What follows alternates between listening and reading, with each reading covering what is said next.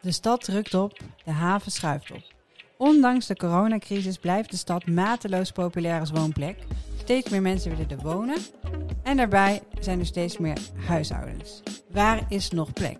Nou, in de haven. Het thema van deze derde reeks van de podcast, De Architect, Merel en Tracy praten door, is daarom van haven tot stad.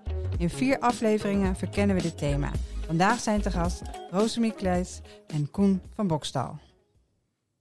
Nou, welkom allemaal. Hallo. Dank je. Hallo. Dit is de vierde en laatste aflevering van het thema van haven tot stad. En voor wie mij niet kent, ik ben Merel Pitt, hoofdredacteur van De Architect. En naast mij zit weer, zoals elke aflevering, Tracy Metz. Je trouwe sidekick. Yes, waar zou ik het anders... eh, ja, zou- ik zou niet zonder je kunnen hierbij, Tracy. Oh, wat ben- heerlijk. Dankjewel, Merel. Ik ben blij dat je er weer bij bent. Ik ook. Ehm met wie gaan we vandaag praten, eh, Tracy? Wij gaan praten eerst met eh Rosemie Kleijs. Rosemie, je bent projectregisseur bij vastgoedbeheerbedrijf AG Vespa. Autonoom grondbedrijf Vespa in Antwerpen. En ik ga jou zo meteen vragen uit te leggen kort wat het eigenlijk is. Want het is een wonderlijk soort eh, orgaan volgens mij.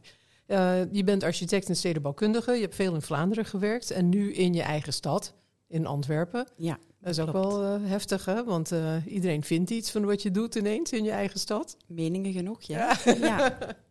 Eh, en je gaat ons vertellen over de herontwikkeling van het voormalige havengebied Eilandje. En dan met name de wijk Kadex. Ja, een stukje uit het eilandje gelicht, de Kadikswijk. Ja.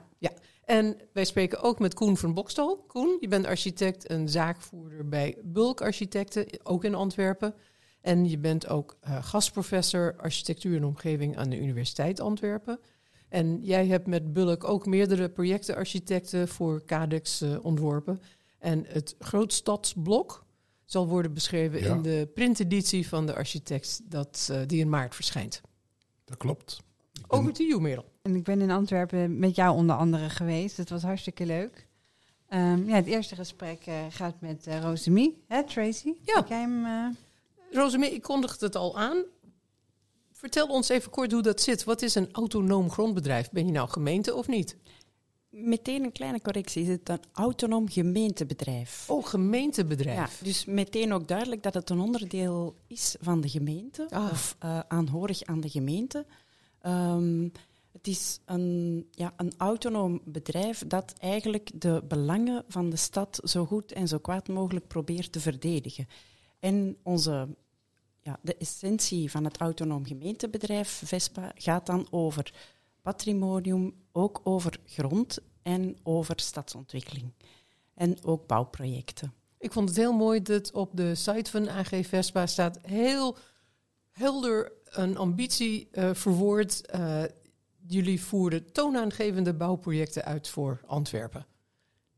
Zo zeggen wij dat graag. Ja, heel mooi. Ja, Toonaangevend. We doen het niet voor minder. ja. Hartstikke mooi. We gaan even kijken naar eh Cadix. Eh, het eilandje ligt als een scharnier tussen de binnenstad en de werkende haven die uit de stad is verdwenen, is opgeschoven. Eh, en al in de tijd van Napoleon werd hier gewoond en gewerkt, vertelde je. ja, ja. Dus ehm, ten tijde van Napoleon is er eigenlijk opdracht gegeven om de dokken te gaan uitgraven. Waar dat vroeger vlieten waren, eigenlijk zijarmen van de Schelde, die de stad voorzagen van eh, water en van ehm, ja, doorstroom en verkeer ook. Ehm, is Napoleon heeft dan besloten om eigenlijk een sluis te voorzien en dokken te beginnen graven. En dat is vrij fundamenteel om aan het eilandje te beginnen een binnen, binnenstedelijke haven. Uh, dus vandaar dat wij ook de, de, ja, Napoleon een uh, bijzondere plek in, in de geschiedenis van Antwerpen en van het eilandje Ja, een, toedichten. Ongelooflijk, wat een bijzondere man was het, hè? Wat een visionair. Wel ook een gek, maar ook absoluut een visionair. Maar wat is de uh, relatie tussen eilandje uh, en de binnenstad en de haven nu? Hoe ligt het ertussen? Um, ik denk dat we nu wel mogen stellen dat eilandje, of toch het deel waar we vandaag over spreken, een onderdeel van de binnenstad is geworden. Geworden? Ja, denk ik wel. Uh, we hebben um, de plannen van het eilandje stel, komen eigenlijk al van een hele tijd terug. Um, en geregeld hebben we een, een sociaal onderzoek ook gedaan. En het laatste, de bevraging die we de laatste keer hebben gedaan, ondertussen ook al wel hmm, toch wel lang geleden, ik denk meer dan tien jaar. En dan laten we mental maps tekenen. Ehm, en ik denk bij, die, bij dat moment was het heel duidelijk dat we eigenlijk de eerste twee, of de oudste dokken, het Willem-dok en het Bonaparte-dok, dat die al echt werden toegeëigend aan het centrum van Antwerpen.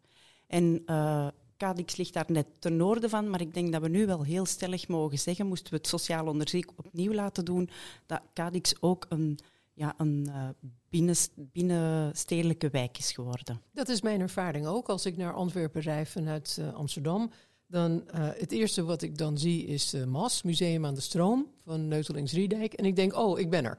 Ja, ik heb de stad bereikt. Ja, ja.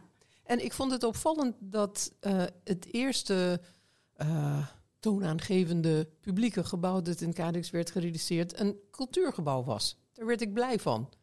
Het MAS bedoelt u? Ja, ja, ja dat is. Uh, ja, ik denk dat dat gewoon een absolute mijlpaal is en, en, en ook een heel belangrijk moment om net die plek bij de stad bij te voegen. Um, als wij als stedenbouwkundigen naar de wijk kijken, dan denk ik dat dat de twee grote mijlpalen zijn. De realisatie en de opening van het MAS. Want de bouwwerken hebben ook heel lang geduurd. Maar de opening van het MAS is echt wel de toe-eigening van die plek tot de binnenstad. En de verlenging van de tramlijn over het eilandje. Um, de tram is in Antwerpen het ultieme openbaar vervoer. Uh, als je op de tram zit, dan ben je in de stad. Uh, en het feit dat die tram dan ook over het eilandje een verlenging kreeg en over de, de bruggen, uh, dat heeft heel veel voet in de aarde gehad. Er is echt wel wat overtuiging moeten gebeuren bij de, bij de lijn, bij de vervoersmaatschappij. Vanwege de investering, neem ik aan. Uh, niet zozeer vanwege de, gewoon het feit dat de tram over een opengaande brug moest rijden, was, uh, is geen evidentie voor uh, een maatschappij die zich normaal niet in zo'n waterrijke omgeving begeeft. Dus dat, we zijn daar speciaal met een hele delegatie naar Rotterdam moeten gaan kijken om te zeggen, kijk, het kan, het moet, ja, het precies, moet lukken. Ja. Ik moet er net aan denken, bij mij om de hoek hebben we dat gewoon in een paar bruggen. daar gaat gewoon ook een tram overheen, die ook open gaan, die bruggen. Ja, ja. ja. Dus uh, dat was, allee, dat, dat, is wel grappig nu, dat is ontzettend lang geleden ondertussen, maar dat zijn wel zo ja, mijlpalen om zo'n wijk echt tot de stad te doen behoren. Ja, dat ja. voor je mental map, dat het uh, ja. uh, ook mentally bereikbaar is. Ja, ja, ja. absoluut. Ja. Mm. En het is begonnen in eerste instantie met de revitaliseren van het havengebied voor wonen.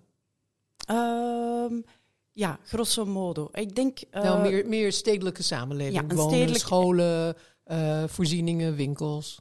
Ja, dus eigenlijk een, een stadsdeel creëren op die plek. Dat was duidelijk de, de ambitie van het eerste masterplan. En ik denk dat je, als je echt naar de oorsprong van het eilandje kijkt, dat je het samen kijkt samen met de Scheldekaaien en ook met de Zuidwijk. Hè. Dus Stad aan de Stroom, een, een internationale ideeënwedstrijd... Uh, die in de jaren, begin jaren 90 is georganiseerd, dat is eigenlijk de moment dat er na heel veel um, debat, en dat begint uiteraard bij, eerst bij het vakpubliek, maar dan uh, komt dat in een maatschappelijk debat terecht om eigenlijk uh, Antwerpen terug aan zijn schelde, aan zijn, aan zijn stroom en aan zijn uh, rivierverleden te hechten. De haven was toen al een tijdje opgeschoven, sinds de jaren 70 richting het noorden, waardoor dat de, de stad mentaal zijn haven ook een stukje kwijt was geraakt. En, en dan lag daar een eilandje, um, als student voor mij gekend omdat wij heel kort daarbij op school zaten. Um, maar uh, voor veel Antwerpenaren was dat een plek waar je eigenlijk niet naartoe ging. Daar was een vrachtwagenparking de rand van het Willemdok. Allee, om maar te zeggen, tot, tot eind jaren 90 was daar de vrachtwagenparking.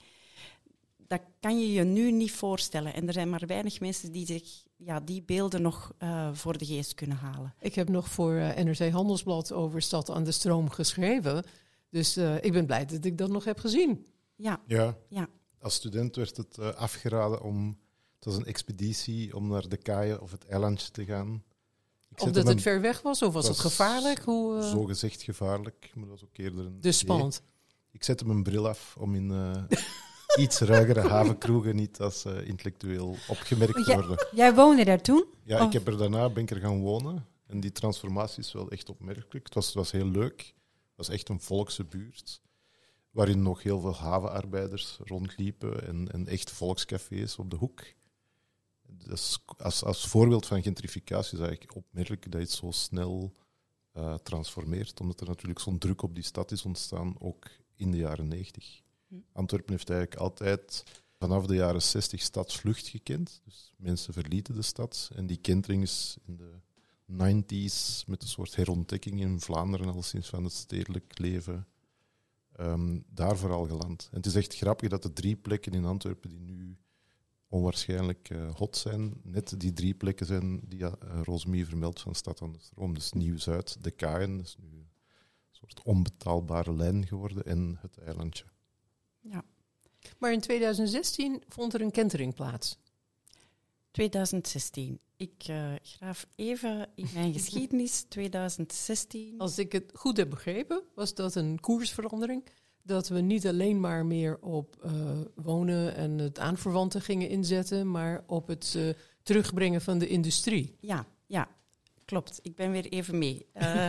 nee, effectief. Dus we zijn um, al ruime tijd met het eilandje bezig en heel erg vanuit de invalshoek, oké, we gaan daar een nieuw stadsdeel aan die binnenstad toevoegen.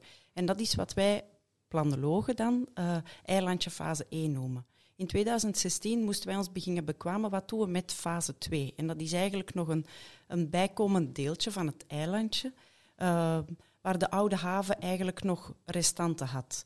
Uh, en in 2016 hebben wij samen met vele andere uh, West-Europese steden eigenlijk de reflectie gemaakt om te zien, we moeten maken dat we plek voor industrie in de stad ook behouden. En ik denk, we hebben toen ook onder andere, Rotterdam is een stad waar we heel gemakkelijk inspiratie gaan opdoen. Ik denk dat je daar ook de stadshavens, je had Mark Brealey, die vanuit Londen heel vaak naar Brussel kwam, om, om te pleiten voor every city needs industry. Dus die economie in de stad een belangrijke plek toedichten. Ja, ik heb een hele interessante lezing van een aantal mensen uit het, die betrokken zijn bij het eilandje gehoord. Onder andere Mark, maar ook van jou. En die had als titel A Good City as Industry. Nou, ja. duidelijk. En dat sluit ook heel goed aan bij het betoog van een van de sprekers in het eerste deel van deze podcast, Floor Milikowski die zegt, ja, alle steden gaan op elkaar lijken. Het worden allemaal van die keurige wijken. En waar is de plek nog voor de makers en voor de bedrijven die uh, voor echte industrie? Ja, want ze zei ook van, het worden allemaal kantoren in de stad en ook mensen die in kantoren werken. Maar dat is niet de stad. Nee, als je die andere klopt. mensen buiten sluit. Nee, maar het is wel belangrijk dat we, dat we daar echt gaan bij stilstaan. Omdat als we enkel het toevertrouwen aan de algemene marktconjunctuur dat die makers steeds verder worden weggedrukt. Allee, een van, van bijna een boetade die wij heel vaak zeggen is als je de laatste weekendedities van de laatste tien jaar bekijkt van de, de, de grote kranten, dan zie je de, de bakkerij omvormen tot een loft. Je ziet de beenhouwerij omvormen tot een loft. De snoepjesfabriek wordt een fantastische woonst. En echt Housing eats all. Ja, ja absoluut. Uh, en en ja, uh, wonen is een dominante functie. Niet alleen vastgoed technisch, maar ook uh, mensen zijn mondig, hebben een mening, kunnen niet zo goed niet meer tegen het lawaai. He, die, die, die havenwijk van vroeger, waar wonen en werken een evidentie was, ja, die, die vroeg ook wel wat van zijn bewoners. Die vroeg ook wel om ergens tegen te kunnen. En dat ze om zes uur een kruier voorbij komt op de kasseien, dat maakt kei veel lawaai. Um, dus dat hoort er dan ook wel bij. Um, en dat ehm, pikken we niet meer. Nee, zo zijn we. Maar ook daar zijn de regels in Nederland tenminste best wel streng op. Milieuzones. Het is helemaal niet zo makkelijk om uh, wonen naast industrie te plaatsen hier. Dat klopt. Dat is dus een hele zoektocht. Hoe doen jullie dat? Zoeken. Zoeken op dit moment naar de juiste oplossingen, de juiste formuleringen, maar vooral ook planologisch starten aan, aan die kentering. En dus uh, erkennen dat wonen en kantoren een vastgoed technisch dominante functie is. En als we daar niet uh, op een gegeven moment een soort van no-go-zones voor maken, dat we, dat we het niet gaan redden. En, en uh, wij blijven pleiten, laat, laat het wel duidelijk zijn, wij blijven pleiten voor een gemengd stedelijk weefsel. Hè? Dus vooral niet uh, de, wo de woonstad als een soort van um, wonen waar niet gewerkt kan worden. Absoluut wel. En daar waar het kan, moet je het koesteren en, en ondersteunen waar wonen en werken op een goede manier samen kan.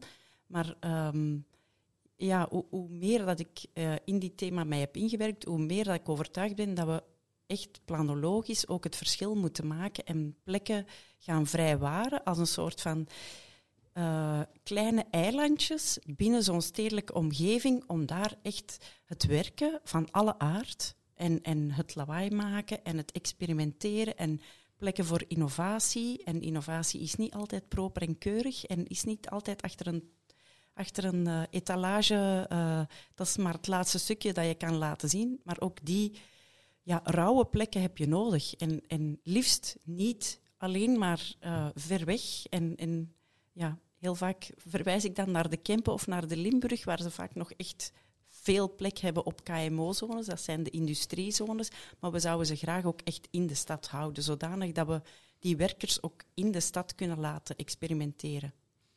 Bravo. Helemaal eens. In hoeverre, uh, Rosemie, is het eilandje een model voor toekomstige stadsontwikkeling? En ik vraag dat met name omdat toen de haven wegging, kreeg de gemeente in één keer een enorme hoeveelheid grond in handen en had dus heel veel zeggenschap. Is er een kans dat dat model zich ooit ergens anders in de stad zal herhalen?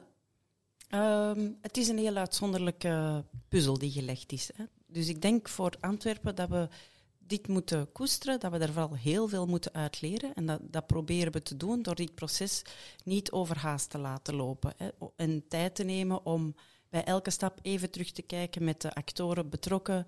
Uh, te kijken van, oké, wat was jouw rol, wat was onze rol, wat, uh, wat had beter anders gekunnen. Um, om, om lessen te leren. Uh, want ik denk niet dat we heel snel terug in zulke soort posities zullen terechtkomen. Een stad in Vlaanderen en, en ook Antwerpen is niet gewoon vanuit een grote grondpositie het verschil te maken. Um, en misschien hebben we nu opnieuw een heel uitzonderlijk project lopen en dat is de Oosterweel, waarbij dat, uh, de ring van Antwerpen een overkapping zou krijgen, toch alvast in grote delen. Uh, en onze droom is uiteraard dat dat volledig overkapt zou worden, waardoor dat je opnieuw in een soort van grondpositie terechtkomt. Niet dezelfde, niet, niet met dezelfde ambitie, maar waar dat je ook nog eens het grote verschil zou kunnen maken. Ik heb ook wel uh, andere mensen over Antwerpen gesproken en die zeiden eigenlijk van um, bij het eilandje is de, het slow urbanism ontwikkeld. Van gewoon mee ontwerpen met de um, ontwikkelingen die dan gaande zijn en waar de maatschappij op dat moment om vraagt. Kan je dat voorstellen? Uh, ja, dat is een term die, die niet per ongeluk vanuit, vanuit, uh, vanuit de stad zelf ook ge, gepleit is. Ik denk uh, Christian Boret, de voormalige stadsbouwmeester, heeft die, die term um, een stukje gecultiveerd. Um, en dat is ook hetgeen wat ik daarnet uitleg, is dat, dat je de tijd neemt om, om je evaluatie te maken, om, om je partijen te spreken en te zien van oké, wat, wat, wat was goed en wat moeten we anders doen. Um, dat kan ook maar doordat wij, um, wij bedoel ik dan de stad, of wij als uh, uh, regisseurs voor de stad, gronden hebben toegeschreven gekregen waar geen financiële druk op zit.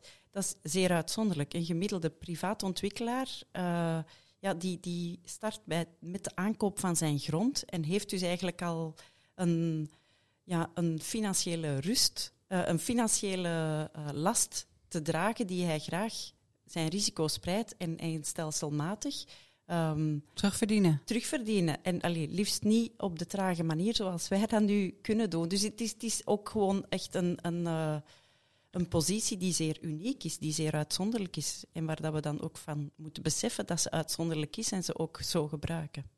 Dus het is niet echt een model voor de toekomst, wat dat betreft, want te uitzonderlijk. Um, ik, er is vast, ik denk dat het een model is waar dat je inspiratie kan uit, uithalen. Zoals elk ander model zijn er goede en slechte dingen aan.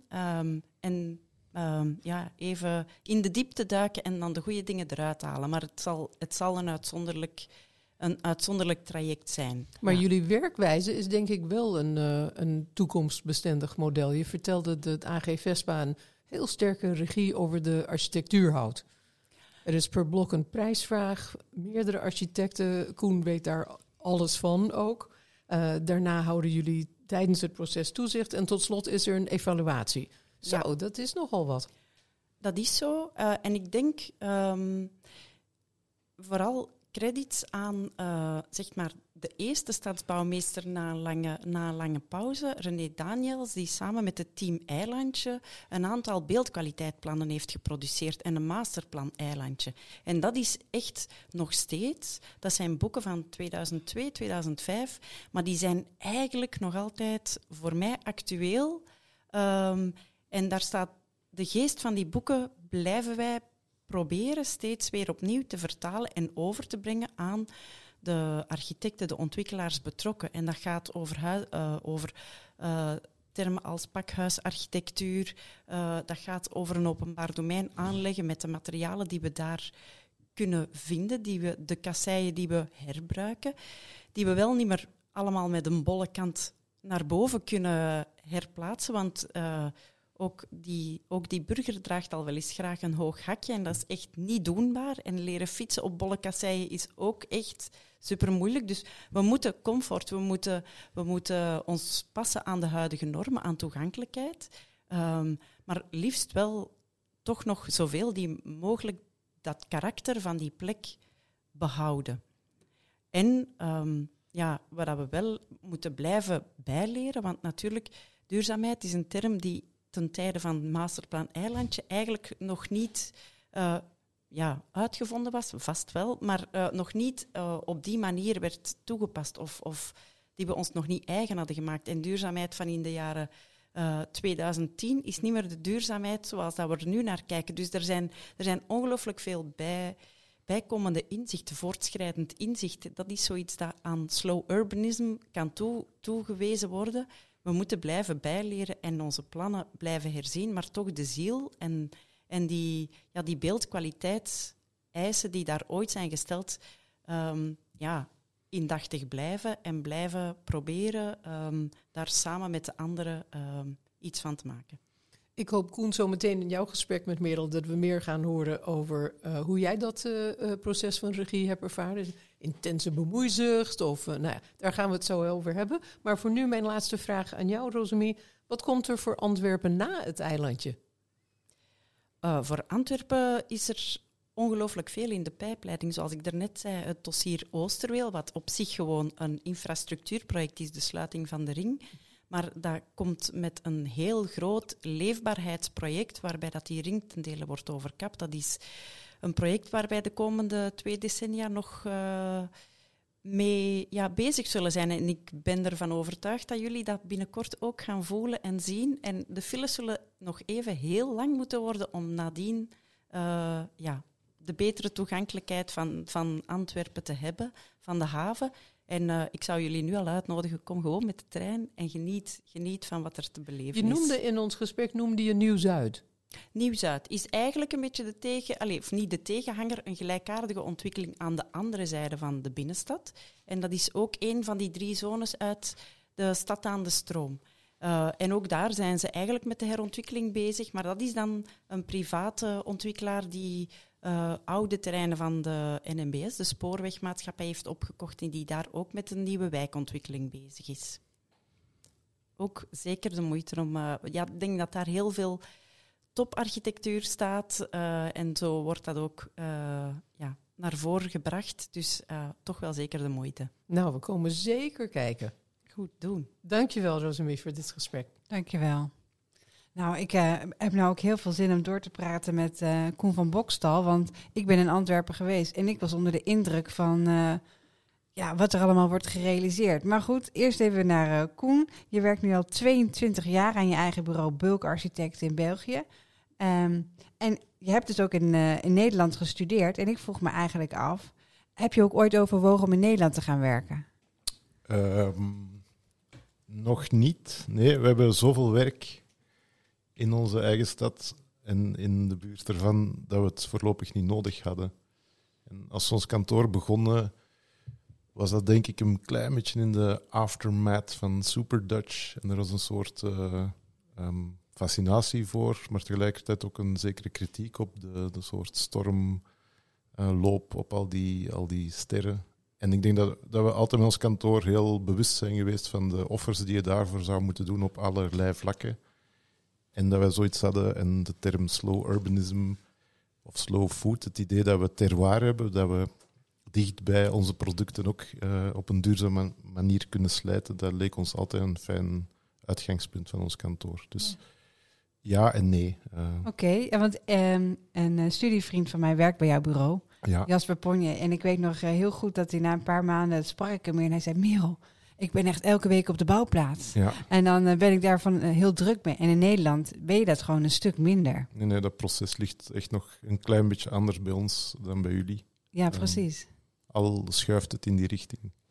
Bij ons of bij jullie? Ik denk dat de schaalvergroting die wij allemaal als discipline hebben meegemaakt, eigenlijk bijna parallel loopt met de stadsontwikkeling. Dat is een van de hele grave um, analyses die wij altijd maken, dat wij dankzij AG Vespa, dankzij het eerste beeldkwaliteitsplan, eigenlijk in die slipstream als kantoor, en we zijn niet alleen, er zijn veel Antwerpse bureaus van mijn leeftijd, zeg maar, die nu allemaal um, succesvol zijn.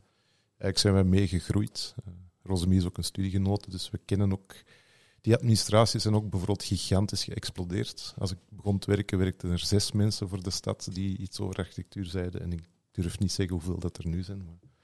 Nou, Rosemie, kan je een gok doen?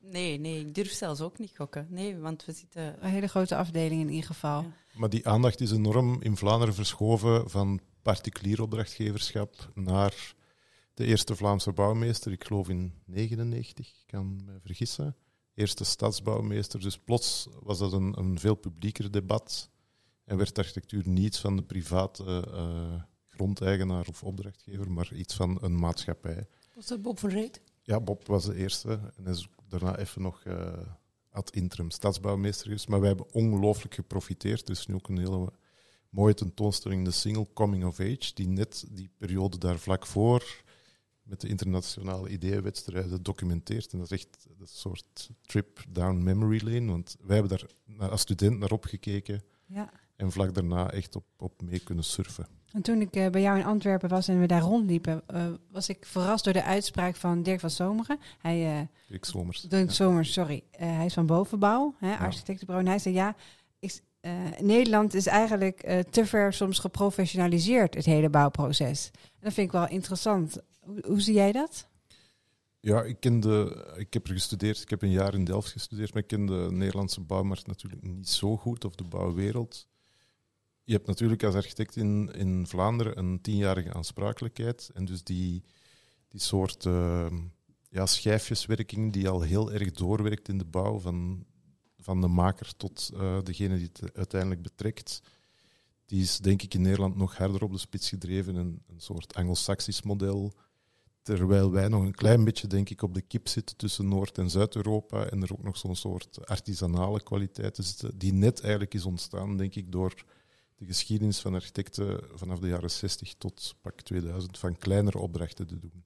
Ja. En bureau als Jan de Velder, wereldberoemd, laten we zeggen ons beste exportproduct, die hebben heel veel piepkleine verbouwingjes gedaan. Dat zou je van Remcola's moeilijk kunnen vertellen. Dus die, die schaalvergroting die zat al bij jullie en die is eigenlijk doorgeslagen, denk ik, in zo'n soort gigantische professionalisering, waardoor dat de afstand en de soort liefde voor het vak ook echt verdwijnt. In het maken, denk ik. Ja, en ook het maken van dingen.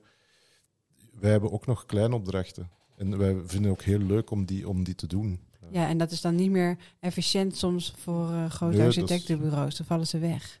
Ja, ik denk dat die efficiëntie ook is gegroeid. Want ik, als ik kijk, mijn generatie heeft bouwen in Vlaanderen ook wel mee geprofessionaliseerd. Wij werkten bij die goede bureaus die jullie nu, nu allemaal kennen als onze grote um, zeg maar vaste waarden.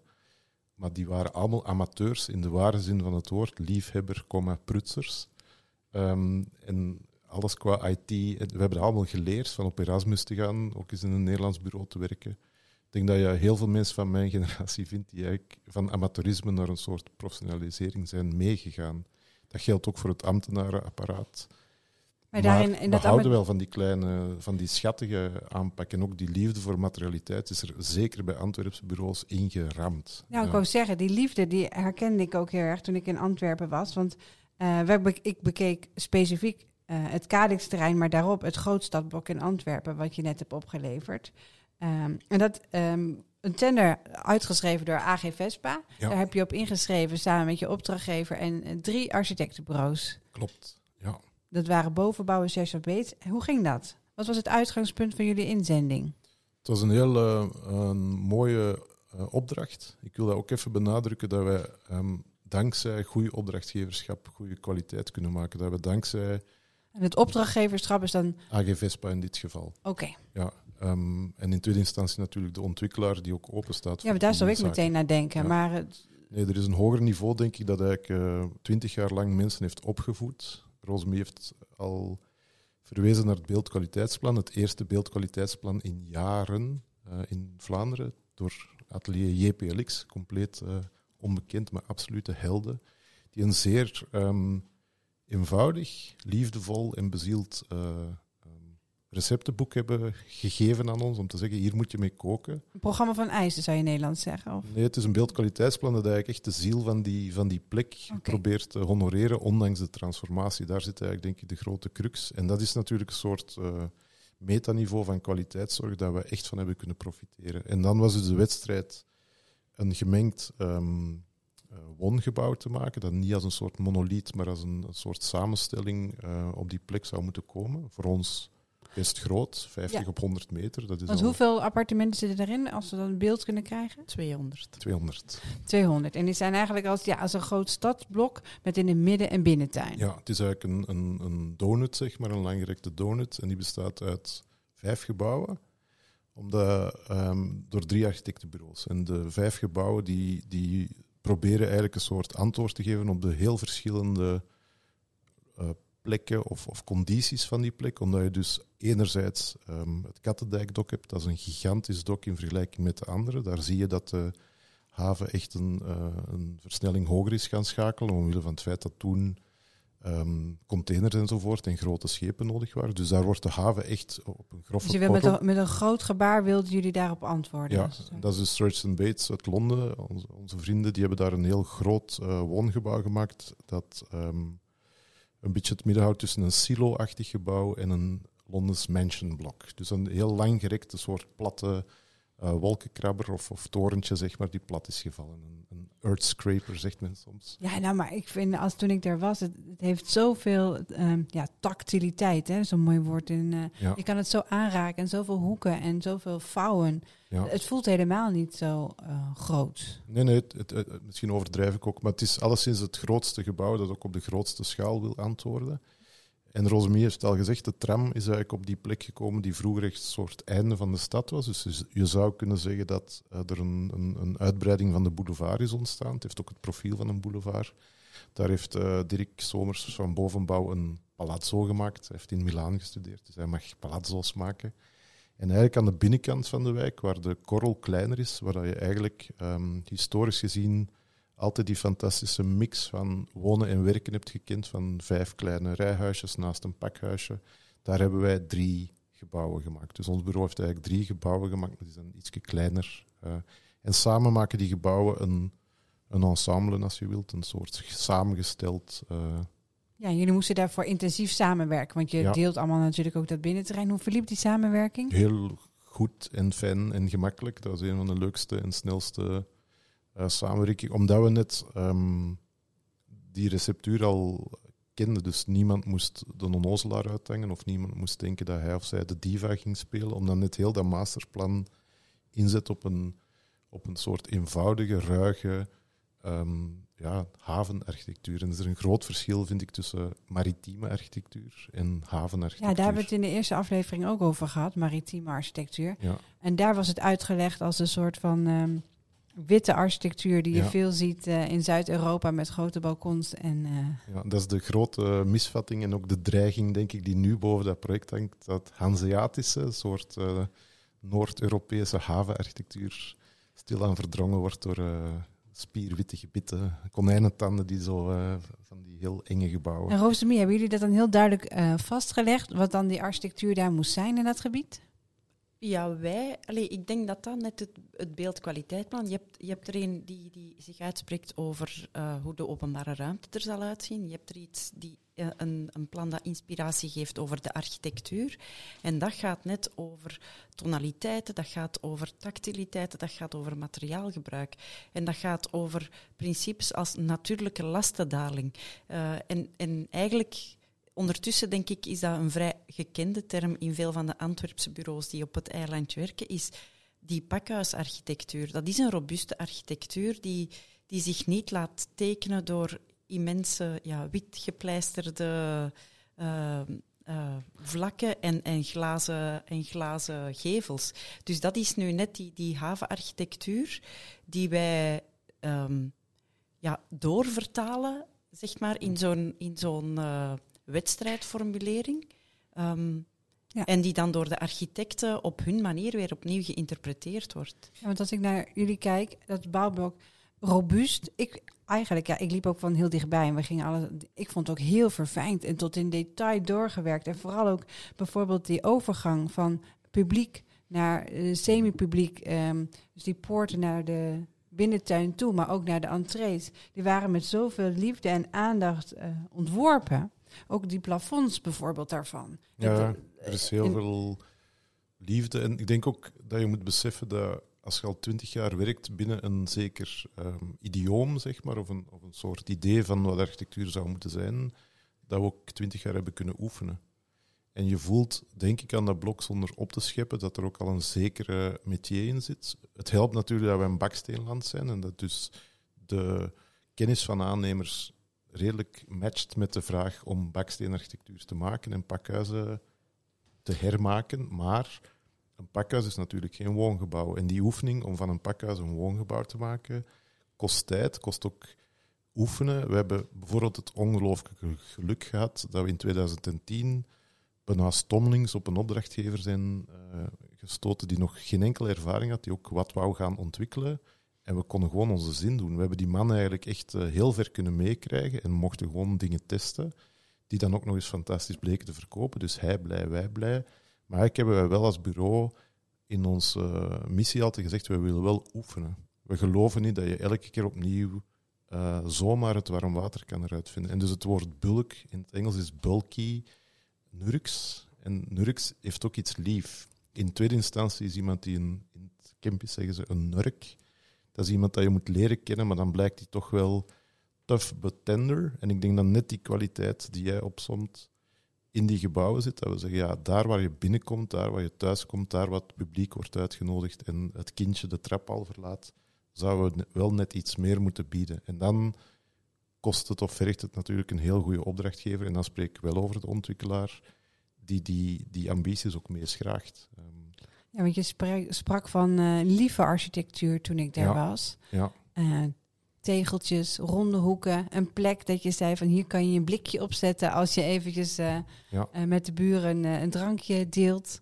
Ja, ik denk dat er zoiets tussen het informele en het monumentale bestaat dat, dat totaal onderschat is in de afgelopen 20, 30 jaar. En dat is echt niet tegen de kwaliteiten ook van stromingen voor ons. Ik denk dat er heel veel verdiensten zijn aan, aan terug opensmijten, rock en roll en de punkrock. Maar elke, elke stroming heeft ook zijn, zijn treurig manieristisch einde. En het verbaast ons nog altijd dat, dat dat soort stroming, en dan spreek ik over de jaren 90 star architecture, dan niemand die echt finaal is vermoord. Want het is echt klaar. Dat, dat lukt ook niet meer met die ambities van de jaren 90. Het geld is op. Dus wij zitten ook in een conjunctuur die anders is we hebben de, de leuke jaren meegemaakt. Je voelt nu wel dat dat scherp staat. En dan zijn natuurlijk mensen die van lood goud kunnen maken. En daar rekenen we onszelf dan stiekem bij. Handige uh, kandidaten. Dus ik denk dat ja, je moet echt beseffen dat dat een soort krachtenveld is waarin dat wij gelukkig heel autonoom altijd hebben kunnen eh, spelen, dankzij grote wedstrijden, dankzij kleine projecten waarin dat we dingen testen, om dan op basis van zo'n klein project bijvoorbeeld een groot opdrachtgever te kunnen overtuigen. We hebben het al gedaan, het is niet zo duur, het gaat mooi zijn, kom eens mee kijken. Dus experiment en... En je hebt ook de makers mee, vertelde je me. Want ik was wel onder de indruk, jij zei van, nou ja, onze drie gebouwen waren eigenlijk de laatste in het rijtje. In de tweede fase zijn die ontwikkeld. Altijd toch een beetje het kindje van de rekening. Alles is in de eerste fase uitgegeven. Maar toen keek ik even goed en toen zag ik gewoon toch een van de gebouwen helemaal opgetrokken was met een geglazuurde baksteen. Nou ja, dat zijn niet uh, de goedkoopste bakstenen. Nee, dat klopt. Dat klopt.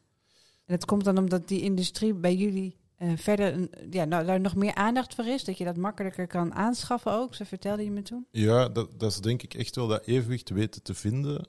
Um, en dat is grappig, door heel kleine projecten kan je je vaak permitteren om iets gek of duurders te doen, omdat het over twee vierkante meter gaat en uiteindelijk 4000 euro meer kost.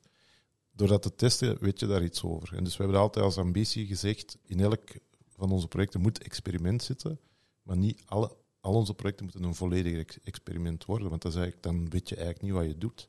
Dan, je kan volgens mij niet over innovatie spreken als je puur op waanzin drijft. Dan, kan het even hoe gigantisch ontploffen, wat het ook vaak heeft gedaan, als we eerlijk zijn. En in alle ehm, teksten over duurzaamheid schrijven wij altijd dat het voor ons erover gaat dat je, dat je ook wel een soort vakmanschap mee binnenbrengt, die het experiment niet uitsluit, maar eigenlijk omhelst, omdat er een soort van vertrouwen is. Als het laboratorium al getest. ja, maar je moet ook wel zorgen dat in het laboratorium het plafond niet lekt en de vloer nog open ligt, want dan mislukt sowieso je test. Dus je moet een soort vertrouwde ehm, ja, omgeving creëren voor je opdrachtgevers, voor je medewerkers, voor jezelf, om te blijven nadenken en vernieuwen, maar wel ook niet alles altijd terug weg te gooien, want dat is echt ook heel puberaal om zo elke dag nieuw. John Kerman heeft zo'n heel mooi kunstwerk, nieuw, nieuw, nieuw. Ja, daar gaat het over, denk ik. Ja, maar dat vind ik dan interessant om even door te gaan naar... ehm, jullie zijn namelijk nog met een project bezig, er pal naast. Ja, Heb je nou ook een tender gewonnen? ja, Eh, en daar staat nu een hele oude mooie loods, vond ik tenminste toen ik daar was. ja ik ook. En, en toen dacht ik van, in Nederland zou die meteen nu bewaard worden, want dat vinden we heerlijk. Alles dat een beetje identiteit geeft aan de plek. Ehm, maar jij, jullie, jij gaat hem slopen. Ik ga hem niet slopen. Het is beslist voor ons dat hij gesloopt wordt en dat de plek. Ik vind dat een belangrijke nuance. Ja. Ik, ik maak het programma en ik maak gebouwen. Ik denk dat dat een misvatting is dat architecten plekken en programma's moeten kiezen, maar dat is nog een ander debat. Nee, het is een, het is een, een loods uit de jaren 50, een klein stukje. Op die plek, en dat is eigenlijk wel interessant, vind ik, was een school gepland. Een bouwblokje dat de helft is van hetgeen dat we net hebben besproken, dus iets van 50 op 50. Ehm, maar omwille van het gevreesde spook van de gentrificatie, dat ook op het eilandje is gebeurd, zijn dus niet alleen die initiële havenactiviteiten een klein beetje verdrongen. Als ik daar destijds woonde, had ik een touwenwinkel, een ijzerwinkel, dus van die leuke, eh, best compatibele dingen die met de haven en wonen te maken hebben. Allemaal weg. Dus die activiteiten zijn verdrongen, maar men is ook tot de constatatie gekomen dat de eh, demografische piramide niet helemaal klopt en dat er heel veel vijftigers en Ja, die kunnen betalen, hè, die empty nesters. die, die eh, dingen kunnen kopen. En dus is eigenlijk nu de plek van de school ehm, als programma veranderd in een bouwblokje voor 70-tal woningen, waar specifiek wordt onderzocht hoe we kindvriendelijk en familievriendelijk gestapeld wonen kunnen eh, ontwikkelen in de stad. Dus kinderen terug ook in die plek, eh, in die buurt een plek eh, te geven. En dat hebben we gewonnen. Samen Ja, met... gefeliciteerd. Dankjewel. Dat is een hele mooie opdracht. Misschien ter aanvulling, het schooltje wordt iets verderop dan gerealiseerd. Dus het is niet dat het schooltje gesaneerd is, want dat zou helemaal absurd.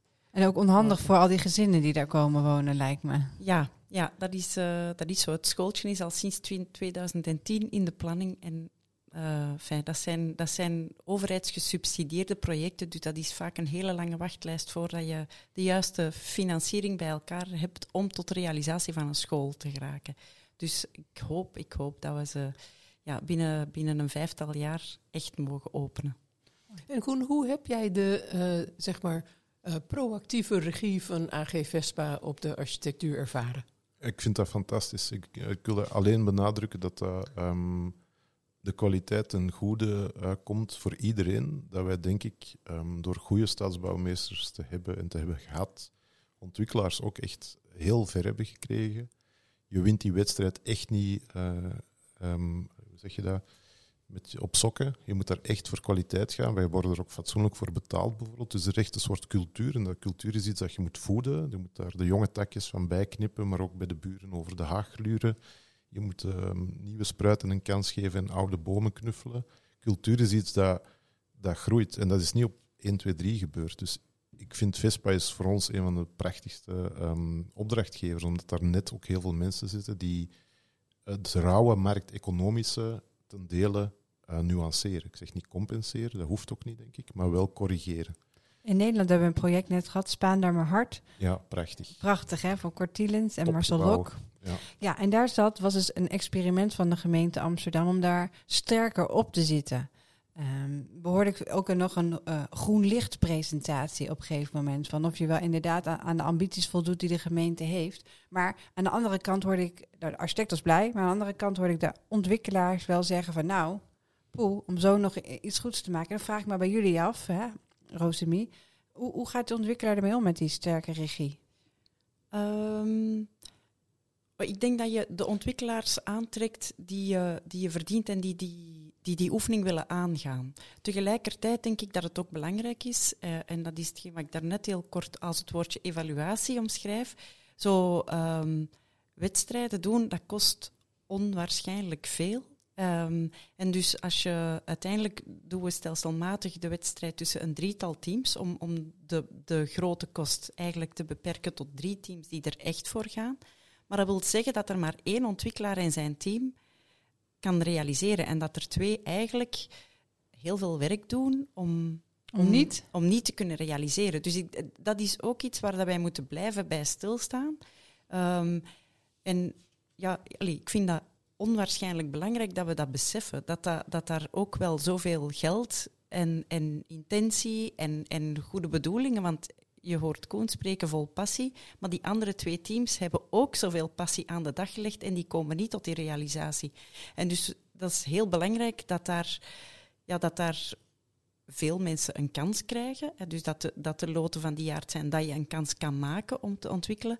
Maar dat we ook blijven evalueren van hoe kan dit zo efficiënt mogelijk, hoe kunnen de risico's beperkt worden en wie hoort hier een risico in te nemen. Krijgen de architect betaald tijdens dat proces? Bij een architectuurwedstrijd is dat zo. Dat is eigenlijk al common sense. Dat is denk ik een verdienste van, denk ik, Bob van Reet, Vlaams bouwmeester. Ook, en ook stadsbouwmeester, denk ik. Ja. En voor de wedstrijden die je nu meldt, is het eigenlijk de ontwikkelaar die inschrijft. Ja. Maar wij vragen en krijgen van onze ontwikkelaar voldoende middelen om te kunnen winnen. Net omdat we kunnen zeggen, kijk eens, het is niet echt met de vingers in de neus. We moeten tegen serieuze kanonnen opboksen. Dus als je wil dat we winnen, dan moet je ons ook betalen. En in beide gevallen van die wedstrijden hebben wij een, een faire verloning gekregen van die ontwikkelaar, wiens, ehm, hoe zeg je dat, hoop op marges natuurlijk veel groter is dan die van ons. Maar dat is cultuur, denk ik, dat je kan... Ik denk, eigenlijk gaat het over kwaliteitszorg. Ik, eh, je hebt gezegd, ik heb, ik heb zes jaar in de kwaliteitskamer gezeten. Kwaliteitszoeken is een gesprek over kwaliteit voeren. Het is niet meer, het is ook niet minder.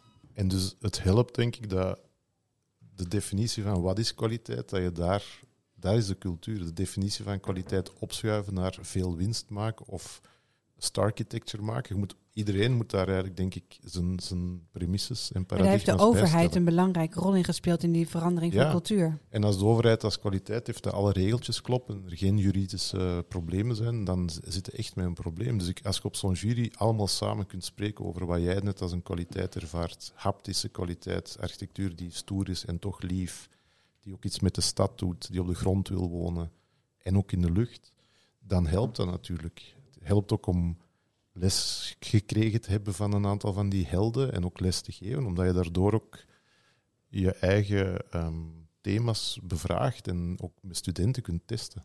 Het is grappig, want ik had ehm ehm, Gus Kort als jurylid gevraagd, omdat ik zo'n fan was. Ze was helaas verhinderd, maar ik vind dat gebouw in de Sparendarmerbuurt, dat is echt een topgebouw. En dat is ook echt grappig om te zien dat daar een deel van de kwaliteiten die wij als Vlaams ervaren, dat die stiekem ook terug naar Nederland eh Ja, dat zie ik ook zeker Dat terug. is heel opvallend, vind ik. Dat, Ja, maar ook echt, ehm, als ik op mijn Instagram nu kijk, bijna allemaal, al de architectuurvrienden zijn in Antwerpen op het moment te vinden om Ja. jullie gebouw te bekijken. ah, grappig. Ja, dat is heel erg Dank leuk om te zien. Ja, Ja. nou, zo ben ik dus. Ik, ik dacht, ik eh, zag foto's voorbij komen van Milat Palace. En ik dacht, nou, dat is een gaaf gebouw. Daar moeten we het over doen. Dus ben ik gaan zoeken. Want Ja, ja. de PR-machine draait ook helemaal niet per se hard. Ehm, dus ik moest even zoeken. En toen dacht ik, ja, hier moeten we het over hebben. Wat gaaf. Ik denk dat Antwerpenaren, en dat heb ik jou ook verteld, Antwerpen is historisch, een, ze noemen zichzelf een metropool, maar is eigenlijk gewoon een, een, een dorp met een gigantische wereldhaven altijd geweest. Je kan er op, op 20 minuten doorfietsen, dus it's not that metropolitan. Maar het heeft altijd een onwaarschijnlijke openheid. Al af van de Gouden Eeuw wonnen daar 140 nationaliteiten. Dat was destijds wel uniek. Die mensen zijn dan naar Amsterdam gevlucht. Wat heel maf is, vind ik, aan Antwerpse bureaus, die zijn als eerste, onder andere ook door Bob, hebben die buitenlandse bureaus uitgenodigd, de grote competities. Heel veel Britse bureaus hebben bijna meer werk in Antwerpen en dan in extensie in België dan in Londen. Denk aan Ja, Source ja, ik Bates, wou zeggen. uh, DRDH, uh, Steven Taylor, zeer welkom. En ook eh Mechtel Stoelmacher Er natuurlijk. zijn uh, um, Kortknie Stoelmacher, Happel Cornelissen, dus er is een heel, heel welkome sfeer, denk ik. Omgekeerd hebben Antwerpse bureaus uh, nooit echt genoeg. En, Dirk is daar een uitzondering op, omdat hij dat juist wel heel goed speelt en doet. En terecht ook. Maar we zijn altijd bezig geweest. Ik denk dat je Antwerpen naar een klein beetje met Rotterdammers kan vergelijken. Het zijn havenmensen, ze hebben een soort uh, um, pragmatische insteek. En vaak schiet bijvoorbeeld de peermachine en, en het soort um, discursieve luik er letterlijk qua tijd over. En het is super fijn dat jij ons ook um, die kans geeft. Ik vind dat echt tof. Dat is nooit een ambitie geweest, omdat we gewoon willen goede gebouwen maken. Het helpt natuurlijk om. Het helpt je wel verder. Ja, absoluut. Ik ben er ook niet tegen, hè, voor alle duidelijkheid. Uh, Ja, je kwaliteit bent... praat zich rond, hè? En je bent niet voor niks ook helemaal uh, naar Den Haag gekomen voor Kijk deze eens. podcast. Heel erg bedankt voor jullie komst allebei. Ja, graag gedaan. Met veel plezier, was Ja. leuk. Ja, heel mooi verhaal. En je kan het ook heel mooi verwoorden, Koen. Dat is uh, mijn job. Ja, dat, ik, dat dacht ik, want dat was me ook opgevallen tijdens de rondleiding. Ik dacht misschien ook omdat je veel les geeft. Ja, ik geef al 15 jaar les, dus dat is misvorming.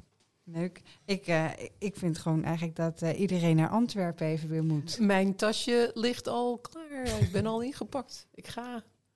Ja. Er zijn me een paar dingen opgevallen. Mag ik dat uh, Zeker. even benoemen? Ik ben benieuwd of jij datzelfde ook hebt ervaren. Ik denk dat wij in Nederland mogen oppassen voor brain drain uit de architectuur naar Antwerpen. Want het klimaat klinkt uh, uh, vruchtbaarder en verwelkomender dan het klimaat in Nederland nu. Ja, reageer ik nu of daarna? Oh, doe maar meteen. Ja, nou, want dat is ook zo. Met bijvoorbeeld met die tenders. Want ik heb een paar keer met een paar bureaus meegekeken met tenders. Die wel tenders winnen in Vlaanderen, maar niet in Nederland. En hoe komt dat nou? Um, in Nederland uh, wordt het niet. Um, zit er in de beoordelingscommissie eigenlijk weinig professionaliteit. Hmm. Dus dan vaak heb je leken of van die managementbureaus die het bekijken. Dus je moet heel erg het naar toeschrijven, naar de mond toeschrijven hoe de tender is uitgeschreven. Terwijl in België kan je gewoon heel erg bij je eigen architectuurtaal blijven. En wordt die ook verstaan en begrepen en ook op waarde geschat. En dat mis je nou heel vaak in de tenders in Nederland. Tenminste, dat is mijn analyse. Hmm. Misschien omdat de markt nu uh, heel veel te zeggen heeft over de architectuur in Nederland. Dat is ook iets wat me opviel aan het verhaal van jullie allebei. Mijn ervaring van België was heel erg lang dat het allemaal private opdrachtgevers waren. En jij noemde het, Koen, en daar is jouw carrière ook het uh, bewijs van, uh, Rosemie, dat uh, België nu toeschuift naar een sterkere publieke sector. Met meer regie, meer zeggenschap, meer stimulans van kwaliteit. En dat is iets waar we in Nederland ook heel veel van kunnen leren. Ja, het is een waarschuwing bijna zelfs. In aansluiting is toch uh, schokkend dat jullie... Um, wij hebben het bouwmeesterschap in Nederland komen jatten. En ik kijk echt uit naar een open oproep Nederland. Ik schrijf echt direct in. Omdat dat is toch onwaarschijnlijk dat het gidsland op dat gebied de fakkel heeft doorgegeven. Bij mij heeft dat heel hard te maken. Ik heb meegemaakt. Onderwijs, waarin dat eigenlijk die discipline in een soort gigantisch gat is gesukkeld na OMA. Dat was een soort meteoorinslag die ook nodig was. Maar dat heeft wel een soort uh, black hole achtergelaten waar iedereen jaren ver, verweest en verduust is achtergebleven. Nou, Nederland mensen, ligt nu wel op de Nou, wat een mooie beeld.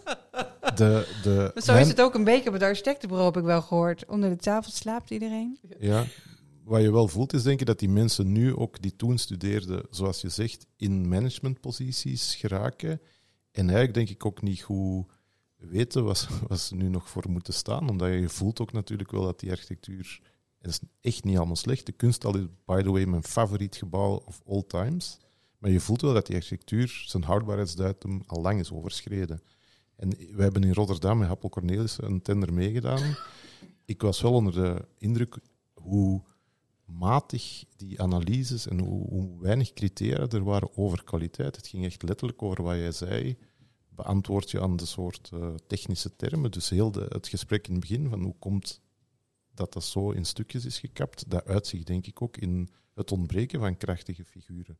Dus ik kijk uit naar rijksbouwmeesters of stadsbouwmeesters, ook in Nederland, die daar eens terug voor willen gaan. Nou, de handschoen ligt klaar voor Nederland om op te pakken. Ik hoorde het al. Ja. Hugo de Jonge. Oh. Zit er nu. Alle hoop. Don't get me started. Nee, laten we dat eh, voor een andere podcast bewaren, Tracy. Dank jullie wel. Ja, is bedankt. Boeiend en eindigend met een eh, behoorlijk gefundeerde waarschuwing eh, over het eh, architectuurklimaat in Nederland. En dit was dan de allerlaatste podcast in de reeks van haven tot stad. Ik hoop dat iedereen weer met veel plezier heeft geluisterd. Heb je er eentje gemist, luister dan vooral terug, want er is zoveel interessants gezegd. Het was weer een feestje om te doen. In mei komt de volgende reeks online en dan gaan we het hebben over biobased bouwen. Houd onze social media en nieuwsbrief in de gaten om op de hoogte te blijven. Dank jullie wel.